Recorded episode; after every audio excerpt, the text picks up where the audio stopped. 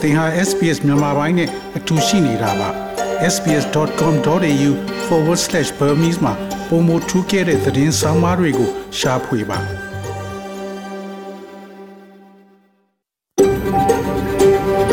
SBS A world of difference You're with SBS Burmese on mobile, online and on radio mobile online နဲ့ radio ပေါ်မှာသင်ဟာ SPS မြန်မာပိုင်းနဲ့အ တူရှိနေတာဖြစ်ပါတယ် သရရှင်များအားလုံးမင်္ဂလာပါရှင်2022ခုနှစ်ဇွန်လ25ရက်စနေည SBS Radio မြန်မာပိုင်းအစီအစဉ်တွေကိုစတင်အသံထုတ်လွှင့်နေပြီဖြစ်ပါတယ်ကျွန်မကမူလှိုင်းသိမ့်ပါဒီညအတွက်နားဆင်ဖို့ပြင်ဆင်ချက်တွေထဲမှာဒီသတင်းပတ်ဟာဒုက္ခသည်များဆိုင်ရာသတင်းပတ်ဖြစ်တဲ့အတွက်အဲ့ဒီအကြောင်းကိုတင်ဆက်ပေးဖို့ရှိသလို149နှစ်မြောက်ဂရီနီအမျိုးသားနေ့အကြောင်းနဲ့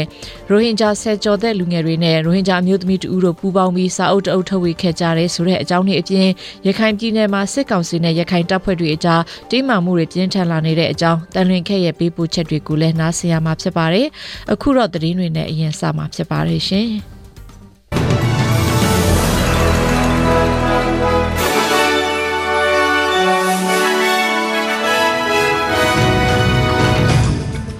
ဒီကနေ့ထိတ်တန့်ရောက်နေတဲ့သတင်းတွေကတော့မြန်မာအရေးမှာမလေးရှားအစိုးရရဲ့ကင်တွယ်ပုံကိုအတူယူလှုပ်ဆောင်ကြဖို့ကုလသမဂ္ဂကအာဆီယံအဖွဲ့တွေကိုတိုက်တွန်းလိုက်ကုလသမဂ္ဂအထူးကိုယ်စားလှယ်ကအာဆီယံအဖွဲ့ဝင်တွေကိုတိုက်တွန်းထားတဲ့အကြောင်းအမေရိကန်တရားရုံးချုပ်ကတတိသားဖျက်ချခွင့်ကိုပယ်ချလိုက်တဲ့အတွက်နိုင်ငံတလွှားမှာစန့်ကျင်ဆန္ဒပြနေကြတယ်ဆိုတဲ့အကြောင်းနဲ့ဩစတြေးလျနိုင်ငံနဲ့တချို့နိုင်ငံတွေကပစိဖိတ်ဒေသနိုင်ငံအတွင်းမှာ စီးပွားရေးနဲ့တန်တမန်ရေးတွေတိုးမြင့်ဖို့စ조사လှုပ်ဆောင်သွားမယ်အကြောင်းတွေအပြင်တခြားထူးခြားတဲ့သတင်းတွေကိုလည်းနားဆင်ရဖို့ရှိပါတယ်ရှင်။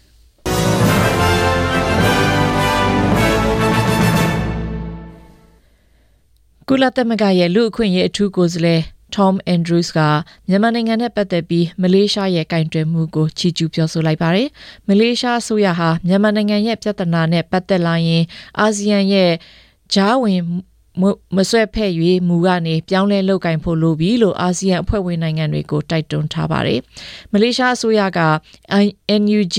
ရဲ့နိုင်ငံခြားရေးဝန်ကြီးဒေါ်စင်မန်အောင်နဲ့တွေ့ဆုံပြီးတဲ့နောက်ကုလသမဂ္ဂကိုယ်စားလှယ်ကသူကိုယ်တိုင်လည်းဒေါ်စင်မန်အောင်နဲ့တွေ့ဆုံဖို့လှုပ်ဆောင်လှုပ်တွေ့ဆုံဖို့လှုပ်ဖို့ရှိတယ်လို့အာဆီယံအသင်းဝင်နိုင်ငံတွေလည်း NUG အစိုးရနဲ့တွေ့ဆုံဆွေးနွေးမှုမျိုးလှုပ်ဖို့တိုက်တွန်းထားပါတယ်။မြန်မာအရေးနဲ့ပတ်သက်လာရင်နိုင်ငံတကာအနေနဲ့ဒီအတိုင်းနေလို့မရတဲ့အကြောင်းစစ်ကောင်စီကြောင့်ပြည်သူပေါင်းအယောက်2000ကျော်သေဆုံးခဲ့ရပြီးလူပေါင်း9 သိန်းခုနှစ်သိန်းတိန်းရှောင်မှုတွေလုပ်နေရပြီးလူပေါင်းတထောင်တသန်းကျော်ဟာစီးပွားရေးနဲ့လူသားချင်းစာနာမှုဆိုင်ရာအကူအညီတွေလိုအပ်နေတယ်လို့ပြောဆိုခဲ့ပါတယ်။မြန်မာစစ်တပ်ရဲ့လုပ်ရတွေဟာလူသားများအပေါ်ပြစ်မှုကျူးလွန်ခြင်းနဲ့စစ်ရာဇဝတ်မှုပါမြောက်တယ်လို့လည်း Mr. Andrews ကပြောပါတယ်။မလေးရှားခီးစင်မှာသူ့အနေနဲ့ရိုဟင်ဂျာတွေနဲ့လည်းတွေ့ဆုံခဲ့ပြီးလူငယ်တဦးရဲ့ပြောပြချက်အရသူတို့ဟာမြန်မာနိုင်ငံကနေထွက်လာခြင်းလို့ထွက်လာတာမဟုတ်တဲ့အကြောင်းရှေ့ခရီးမှာဘယ်လောက်ဒုက္ခရောက်မလဲဆိုတာမတွေးနိုင်တဲ့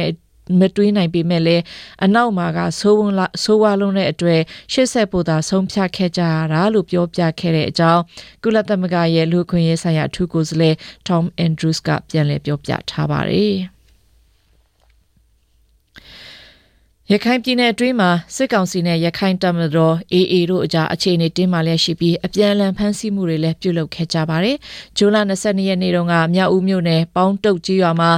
အသက်မပြည့်သေးတဲ့လူငယ်တဦးအပါအဝင်၃ဦးကိုစစ်ကောင်စီတပ် တပ်ကဖမ်းဆီးသွားတဲ့အကြောင်းမြန်မာနောင်သတင်းမှာဖော်ပြထားပါတယ်။အဲ့ဒါအပြင်ရခိုင်ပြည်နယ်ပုံနှကျုံမြို့အတွင်းမှာအရက်ဝတ်နဲ့ဈေးထွက်ဝယ်လာတဲ့စစ်ကောင်စီတပ်သားတဦးကိုဂျွန်လ16ရက်နေ့မှာ AA ကဖမ်းဆီးပြီးတဲ့နောက်ဂျွန်လ18ရက်မှာရခိုင်ပြည်နယ်မြောက်ပိုင်းပုံနှကျုံဘက်မှာပဲဈေးဝယ်လာသူတချို့အပါအဝင်လူ10ဦးထက်မနည်းကိုစစ်ကောင်စီဘက်ကဖမ်းဆီးခဲ့တယ်လို့လည်းဒေသခံတွေကိုကိုးကားပြီးဖော်ပြထားပါတယ်။ တခါဇွန်လ21ရက်မှာမြောက်ဦးမြို့ပေါ်ကစားတောက်ဆိုင်တစ်ခုမှာထမင်းစားနေကြတဲ့စစ်ကောင်စီအဖွဲ့ဝင်၃ဦးကိုရခိုင်တပ်မတော် AA အဖွဲ့ဝင်ကဖမ်းဆီးပြီးတဲ့နောက်စစ်ကောင်စီဘက်ကလည်းចောင်းသားအပါဝင်အရတာ30ထက်မနည်းကိုဖမ်းဆီးသွားတယ်လို့ဆိုပါတယ်။ ဇွန်လ24ရက်နေ့မှာ AA ကစစ်ကောင်စီဗိုလ်အဆင့်ရှိသူအရာရှိတဦးနဲ့တပ်သားတချို့တို့ကိုဖမ်းဆီးပြီးတဲ့နောက်စစ်ကောင်စီတပ်ကစစ်တွေမြို့အတွင်းရှာဖွေဖမ်းဆီးမှုတွေလုပ်ခဲ့ပြီးဒေသခံ73ဦးထက်မနည်းကိုလည်းဖမ်းဆီးသွားခဲ့တယ်လို့ဖော်ပြထားပါတယ်။စစ်ကောင်စီတပ်က AA တပ်ဖွဲ့ဝင်တွေရဲ့နေအိမ်တွေကိုညအချိန်ဝေရောက်ဖမ်းဆီးတာတွေ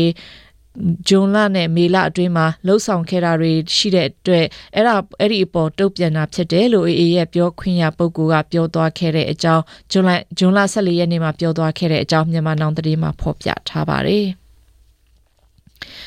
ဂျွန်လ19ရက်နေ့တုန်းကမွေးနေ့ဆွတောင်းစာကိုလူမှုကွန်ရက်ပေါ်တင်ခဲ့တဲ့ရဲတက်ကြကြီးတူဖန်စီခံရတယ်လို့ Voice of Myanmar သတင်းမှာဖော်ပြထားပါတယ်။အဲ့ဒီနေ့ဟာဒေါန်ဆန်းစုကြည်မွေးနေ့ဖြစ်ပေမဲ့လည်း တက်ကြကြီးတန့်စင်ဦးဟာဘသူကိုမှရည်ညွှန်းတာမရှိပဲ Happy Birthday ပါအသက်ရှည်ရှည်နေနိုင်ပါစေလို့သာရေးထားတာဖြစ်ပါတယ်စစ်ကောင်စီဘက်ကလို့ပြောကြတဲ့ဟန်ငင်းဦးဆိုတဲ့ post ကနေအဲ့ဒီရဲကဘသူအတွက်မွေးနေ့ဆုတောင်းပေးနေတာလဲဆိုတဲ့စာပေးနေတာလဲစာတကြောင်းနဲ့ဘဝပြည့်ချင်လို့ထင်တယ်လို့ရေးရေးတင်ပြီးတဲ့နောက်ပိုင်းဖမ်းဆီးခံရတာဖြစ်တယ်လို့ရဲတပ်ဖွဲ့နဲ့နီးစပ်သူတူကပြောတယ်လို့လည်း VOM သတင်းမှာဖော်ပြထားပါတယ်။ အမေရိကန်နိုင်ငံမှာတရေသားဖျက်ချခွင့်တရားဝင်ခွင့်ပြုထားတာကိုအမေရိကန်တရားရုံးချုပ်ကပယ်ချလိုက်တဲ့အတွက်အမေရိကန်နိုင်ငံတလွှားမှာတရေဖျက်ချခွင့်ရတဲ့နယ်လို့အမြင်ရှိသူတွေကဆန့်ကျင်ဆန္ဒပြနေကြပါတယ်။ဒီလိုဆုံးဖြတ်ချက်ကြောင့်နိုင်ငံတော်အနေနဲ့တရေဖြတ်ချခွင့်မပေးတော့တဲ့အတွက်အခုဆိုရင်တရေဖြတ်ချခြင်းမဲဆိုရင်မိမိနေထိုင်ရာပြည်내အပေါ်မှာသာမူတည်တော့မှာဖြစ်ပါတယ်။ပြည်내အခုပေါင်း90မှာတဝက်လောက်ကတရေဖြတ်ချခွင့်မပေးမဲ့အနေအထားမှာရှိတယ်လို့ခန့်မှန်းနေကြပါတယ်။ပြည်내73ခုမှာ တတိဖြတ်ချခွင့်ဥပဒေတွေထားရှိပြီးသားဖြစ်လို့တရားရုံးချုပ်ရဲ့ဆုံးဖြတ်ချက်ကြောင့်အဲ့ဒီဥပဒေတွေမကြခင်အသက်ဝင်လာတော့မှာဖြစ်ပါတယ်။အမေရိကန်သမ္မတဂျိုးဘိုင်ဒန်အပါအဝင်တတိဖြတ်ချခွင့်ရှိတဲ့နယ်လို့ယူဆသူတွေကတော့အဲ့ဒီခွင့်ကိုပြန်လည်အသက်သွင်းဖို့လိုလားနေကြပြီးဆန္ဒပြမှုတွေပြုလုပ်နေပါတယ်။မီဇိုရီပြည်နယ်ကဒီမိုကရက်တစ်လွှတ်တော်အမတ်ကိုရီဘုရှ်ကတော့ခွင့်မပြုရင်တော့မှအမျိုးသမီးတွေဟာတတိဖြတ်ချလို့ရတဲ့နေရာမှာသွားပြီးလောက်ကြအောင်မှာဖြစ်တယ်လို့ပြောပါတယ်။ First of all, we have to make it clear that the fight is not over. The fight isn't over. We will continue. ပထမဆုံးကျမတို့ရှင်းရှင်းလင်းလင်းသိထားရမှာကတော့ဒီတိုက်ပွဲကမပြီးဆုံးသေးဘူးဆိုတဲ့အချက်ပဲဖြစ်ပါတယ်မပြီးဆုံးသေးပါဘူးကျမတို့ရဲ့ကိုခန္ဓာအတွက်ကျမတို့ဆက်လက်ပြီးတိုက်ပွဲဝင်ကြရအောင်ပါပါဒါကတော့တစ်ခုပါနောက်တစ်ခုကတော့တတိဖြတ်ချခြင်းမှာပေးတဲ့စောင့်ရှောက်မှုဟာကျန်းမာရေးစောင့်ရှောက်မှုဖြစ်တယ်ဆိုတာကိုလူတွေသဘောပေါက်အောင်လုပ်ဖို့အရေးကြီးပြီးတခြားပြည်နယ်မှာတတိဖြတ်ချလို့ရတယ်ဆိုတာကိုလည်းလူတွေသိအောင်လုပ်ရမှာပါအဲ့ဒီတော့ကျမရဲ့မီဇိုရီပြည်နယ်မှာတရားမဝင်ပေမဲ့လည်းအီလီနွိုက်လိုတခြားပြည်နယ်မှာတရားဝင်ပါတယ်ဒါကိုလူတွေသိအောင်လုပ်ကြရပါမယ်ဒီလိုနေရာမှာမိမိလိုအပ်တဲ့စောင့်ရှောက်မှုတွေကိုပေးနိုင်မဲ့အနေအထားတွေလည်းရှိနေတယ်လို့ပြောသွားခဲ့ပါတယ်။ဩစတြေးလျနိုင်ငံဘက်ကသတင်းကိုလဲရမယ်ဆိုရင်တော့ဩစတြေးလျနိုင်ငံနဲ့နိုင်ငံတချို့ဟာ တရားဝင်မဟုတ်ပေမဲ့လည်းအဖွဲ့တစ်ဖွဲ့တစ်ခုကိုအဖွဲ့စည်းပြီးတော့ Pacific ဒေသမှာစီးပွားရေးနဲ့တန်တမန်ဆက်ဆံရေးတွေတိုးမြှင့်ဖို့လှုံ့ဆော်နေကြပါတယ်။ American, Australia, Japan, New Zealand နဲ့ UK စသဖြင့်ပါဝင်တဲ့နိုင်ငံတွေဟာ Partners in the Blue Pacific ဒါမှမဟုတ် PBP လို့ခေါ်တဲ့အဖွဲ့တစ်ဖွဲ့တီထောင်ပြီးလှုံ့ဆော်ကြဖို့ရှိတယ်လို့ American ကပြောပါတယ်။ Pacific ဒေသမှာတရုတ်လုံခြုံရေးတပ်တွေခြေဆန့်လာတဲ့အနေအထားကြောင့် Australia ဟာ Pacific ဒေသကနိုင်ငံတွေနဲ့ဆက်ဆံရေးတွေမြင့်တင်မှုလှုံ့ဆော်လာနေတာဖြစ်ပါတယ်။ American ကလည်း Pacific ဒေသကိုအရင်အမြစ်တွေပိုချပေးဖို့လှုံ့ဆော်ဖို့ရှိသလိုအစင်းမြင့်အစိုးရအရာရှိတွေ Pacific ဒေသကိုလည်းပတ်နိုင်ဖို့အတွက်လည်းလှုံ့ဆော်သွားဖို့ရှိနေပါတယ်။ Australia နိုင်ငံသားဝန်ကြီး Penny Wong ဟာ မနက်ဖြန်အစပြီး ဗီယက်နမ်နဲ့ မလေးရှားနိုင်ငံတို့ကိုတွားရောက်လဲပတ်ဖို့ရှိနေပါတယ်။ဗီယက်နမ်ခီးစဉ်မှာ သမ္မတ ဝန်ကြီးချုပ်နဲ့ နိုင်ငံခြားရေးဝန်ကြီးတို့နဲ့ တွေ့ဆုံဖို့ရှိပြီး ရာသီဥတုပြောင်းလဲဆိုင်ရာကိစ္စကုံသွယ်ရေးနဲ့ယင်းနှိမ့်မြုပ်နှံရေးကိစ္စအပြင်ဗီယက်နမ်ရဲ့ COVID-19 ပြန်လည်ထူထောင်ရေးမှာဩစတြေးလျကအကူအညီပေးဖို့အကြောင်းတွေကိုဆွေးနွေးဖို့ရှိပါတယ်။အဲ့ဒီနောက်မှာတော့မလေးရှားနိုင်ငံကိုသွားရောက်မှာဖြစ်ပြီးရာသီဥတုပြောင်းလဲမှုဆိုင်ရာအကြောင်း ပညာရေးကျန်းမာရေးဆိုင်ရာလုံခြုံမှုအကြောင်းတွေကိုဦးစားပေးဆွေးနွေးသွားဖို့ရှိပါတယ်။အဲ့ဒီခီးစဉ်အတွင်းဖန်နီဝန်ဟာသူမရဲ့မွေးရစာတစ်ဖြစ်တဲ့ဘော်နီယိုကျွန်းကစားပါမြို့ကိုလည်းသွားရောက်ဖို့ရှိနေပါတယ်။ဩစတြေးလျနိုင်ငံရဲ့ဗဟိုဘဏ်အကြီးအကဲဖီလီလိုဝီကဩစတြေးလျမှာစီးပွားရေးကျဆင်းပြက်က ပြက်ကမှုဖြစ်နေတာမျိုးဖြစ်နိုင်မဲ့အနေအထားမရှိဘူးလို့ခံမှန်းမိတဲ့အကြောင်းပြောဆိုလိုက်ပါတယ်။ဗဟိုဘဏ်အကြီးအကဲတွေဇူရစ်မြို့မှာတွေ့ဆုံကြတော့မစ္စတာလိုဝီကပြောဆိုခဲ့တာဖြစ်ပြီးဩစတြေးလျရဲ့စီးပွားရေးဟာခံနိုင်ရရှိတဲ့စီးပွားရေးဖြစ်တယ်လို့ပြောပါတယ်။ဒါပေမဲ့လည်းလုံးဝအန္တရာယ်ကင်းတဲ့အနေအထားမျိုးတော့မဟုတ်ဘူးလို့ဝန်ခံပြောဆိုထားပါတယ်။ So we feel like we're on a narrow path back to low inflation. I think we can navigate that. ကျွန်တော်တို့ကအခုဆိုရင်ငွေကြေးဖောင်းပွားမှုနှိပ်လာတဲ့ဘက်ကိုဥတီလာနေတဲ့လမ်းကြောင်းပေါ်ရောက်နေတဲ့အနေအထားမှာရှင်းနေဟန်ပေါက်ပါတယ်။အဲ့ဒီလမ်းစာကိုရောက်နေပေမဲ့အန်နီယယ်ကတော့ရှင်းနေတော့မှာပဲ။အဲ့ဒီအန်နီယယ်တွေကကမ္ဘာစီးပွားရေးအနေအထားဖြစ်နိုင်တယ်လို့တဲ့လာတဲ့အတိုးနှုန်းအပေါ်ဩစတြေးလျနိုင်ငံကလူတွေဘယ်လိုတုံ့ပြန်ကြမလဲဆိုတာအသေးချာမသိရသေးတဲ့အတွက်ဖြစ်ပါတယ်။ နောက်တစ်ချက်ကတော့အခုဆိုရင်အိမ်ဈေးတွေလည်းကျလာနေပါပြီ။လွန်ခဲ့တဲ့နှစ်နှစ်ရနဲ့ရှင်ရင်25ရာခိုင်နှုန်းအထိကျဆင်းနေတာမျိုးလဲတချို့နေရာဖြစ်နေတယ်လို့ပြောပါတယ်။ငွေကြေးဖောင်းပွားမှုကိုထိမ့်သိမ်းနိုင်ဖို့အတွက်အတိုးနှုန်းတွေဆက်တက်ရအောင်မှာဖြစ်ပေမဲ့လည်းအမေရိကန်နိုင်ငံမှာလုပ်သလိုတစ်ချိန်တည်းမှာပဲ3.9ရာခိုင်နှုန်းအထိခုန်တက်လိုက်တာမျိုးတော့မလုပ်ဘူးလို့ပြောဆိုခဲ့ပါတယ်။နောက်နေ့ပထမပတ် ပထမ3လအတွင်းမှာပဲငွေကြေးဖောင်းပွားမှုကိုထိမ့်သိမ်းနိုင်လိမ့်မယ်လို့လည်းသူကခန့်မှန်းထားပါတယ်။ Victoria ပြည်နယ်အစိုးရအဖွဲ့ထဲမှာအရာရှိတချို့နှုတ်ထွက်ပြီးတဲ့နောက်လူအသစ်တွေနဲ့ခန့်အပ်မှုတွေလုပ်လိုက်ပြီးဖြစ်ပါတယ်။နိုဝင်ဘာလကျရင်ပြည်내ရွေးကောက်ပွဲကျင်းပရမှာဖြစ်ပြီးယာဒူးအသစ်ခန့်အပ်ခံရသူတွေဟာနိုဝင်ဘာလကျရင်ကိုယ်စားလှယ်လောင်းတွေလည်းဖြစ်လာကြမှာဖြစ်လာကြမှာပါ။ Jacinda Allen ကဒူးဝန်ကြီးချုပ်အဖြစ်ရွေးချယ်ခံရပြီး Colin Brooks, Lizzie Blanton, Steve Dimopoulos, Sonia Kikeni နဲ့ Harriet Shin တို့ကတော့လိလတ်နေတဲ့ဝန်ကြီးဌာနတွေမှာဝန်ကြီးရာထူးတွေအသီးသီးရရှိကြမှာဖြစ်ပါတယ်။ဝန်ကြီး James Melino, Martin Foley, Martin Pakula နဲ့ Lisa Neville တို့ကနေရွေးကောက်ပွဲကြရင်အရွေးမခံနိုင်တော့ဘူး ရာဒူကနေနှုတ်ထွက်မယ်လို့ကြေညာပြီးတဲ့နောက်အခုလိုအစားထိုးလိုက်တာဖြစ်ပါတယ်။လူဟောင်းတွေကိုလူတစ်တွေနဲ့အခက်အခဲမရှိပဲရန်ညိုးညံစမရှိပဲချောမွေ့စွာလှုပ်ဆောင်နိုင်တာဟာကိုကိုကိုတဲ့ပြည်သူတွေကိုဝန်ဆောင်မှုပေးဖို့သာဦးစားပေးကြတဲ့စိတ်ဓာတ်တွေကြောင့်ဖြစ်တယ်လို့ပြည်내ဝန်ကြီးချုပ်ဒန်နီယယ်အန်ဒရူးစ်ကပြောဆိုခဲ့ပါတယ်။ကမ္ဘာသတင်းပဲမှာတော့ နော်ဝေးနိုင်ငံအော်စလိုမြို့မှာဂေးတွေသွာလာမှုများတဲ့ဘားဆိုင်တစ်ခုမှာပြစ်ခတ်မှုဖြစ်တဲ့အတွက်လူနှုတ်သေဆုံးပြီး20ကျော်ဒဏ်ရာရရှိခဲ့ပါတယ်။ပြစ်ခတ်သူကတူးတဲ့လှုပ်ရှားတာဖြစ်မယ်လို့ရဲတွေကယူဆနေကြပြီးတနက်သမားကိုပြစ်ခတ်မှုဖြစ်ပြီးမိနစ်ပိုင်းအတွင်းမှာပဲဖမ်းဆီးနိုင်ခဲ့ကြပါတယ်။အဲဒီလိုပြစ်ခတ်မှုကဒီကနေ့မှာပဲကျင်းပဖို့ရှိတဲ့ LGBTIQ+ ချီတက်ပွဲကိုရည်ရွယ်မှုရှိမရှိစုံစမ်းနေဆဲပဲလို့ရဲအရာရှိကပြောပါတယ်။ En real eh, tam When it comes to the Pride events taking place here tomorrow, and if what happened has မ something နေ့ဖန်ကြရင် Pride Parade ချီတက်ပွဲရှိမှာဖြစ်ပြီးအဲ့ဒီပွဲနဲ့ဆက်ဆက်ပြီး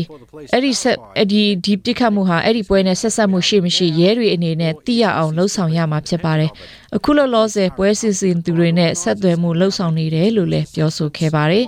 အဲ့ဒီနောက်ပိုင်းမှာတော့ပွဲစီစဉ်သူတွေကရဲတွေရဲ့အကြံပြုချက်ကြောင့်ချီတက်ပွဲကိုဖျက်သိမ်းမှာဖြစ်တဲ့အကြောင်းလူမှုကွန်ရက်မှာကြေညာထားပါတယ်တရားခံတဲ့အတူလက်နက်နှစ်ခုကိုလည်းရဲတွေကသိမ်းဆည်းရမိထားတယ်လို့ပြောပါတယ် တရုတ်နိုင်ငံသမ္မတရှီကျင်းပင်းဟာလာမယ့်တစ်ပတ်ကျရင်ဟောင်ကောင်ကိုသွားမှာဖြစ်ပြီးဟောင်ကောင်ကိုတရုတ်အစိုးရကထိန်းချုပ်နိုင်ခြင်းရဲ့25နှစ်ပြည့်အခမ်းအနားကိုတက်ရောက်မှာဖြစ်ပါတယ်။ဟောင်ကောင်ဟာတရုတ်အစိုးရရဲ့လက်ထက်ကို1998ခုနှစ်ဇူလိုင်လ1ရက်နေ့မှာကြာရောက်ခဲ့တာဖြစ်ပြီးအဲ့ဒီမတိုင်ခင်မှာဗြိတိန်ကနှစ်ပေါင်း156နှစ်ကြာအုပ်ချုပ်လာခဲ့တာဖြစ်ပါတယ်။တရုတ်အစိုးရဟာ ဟောင်ကောင်ကျွန်းအပေါ်ထိန်းချုပ်မှုတွေတင်းကျပ်လာတယ်လို့သုံးသပ်နေကြပြီးဘသူကအစိုးရဌာနမှာအလုပ်လုပ်ခွင့်ရတယ်လဲစတာတွေကိုလည်းကန့်သတ်မှုလုပ်နေတယ်လို့ပြောဆိုနေကြပါတယ်။ဒီခရီးစဉ်ဟာသမ္မတရှီကျင်းပင်းအနေနဲ့2020ခုနှစ်ဇန်နဝါရီလနောက်ပိုင်းတရုတ်ပြည်မကနေပထမဆုံးအကြိမ်ထွက်ခွာမဲ့ခရီးစဉ်လည်းဖြစ်ပါတယ်။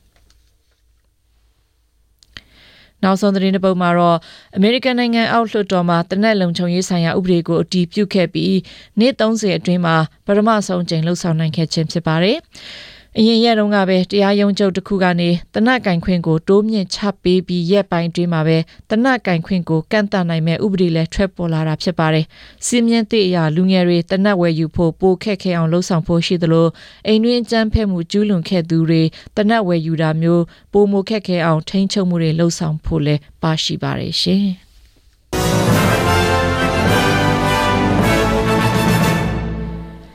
မနေ့ဖန်တနင်္ဂနွေနေ့အတွက်မွေးလေဝသတွေကတော့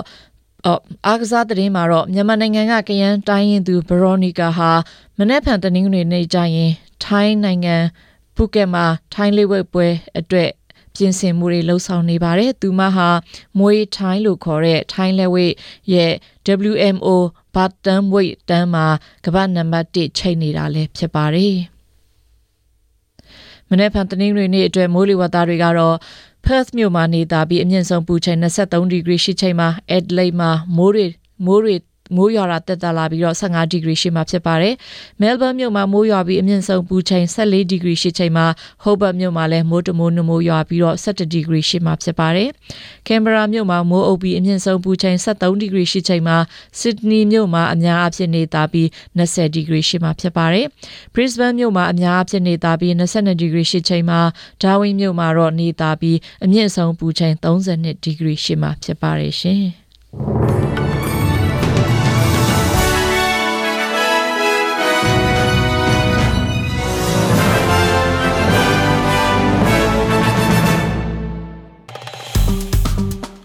SPS မြန်မာပိုင်းကို Facebook ပေါ်မှာ like ရှာပြီး like မျှဝေမှတ်ချက်ပေးပါ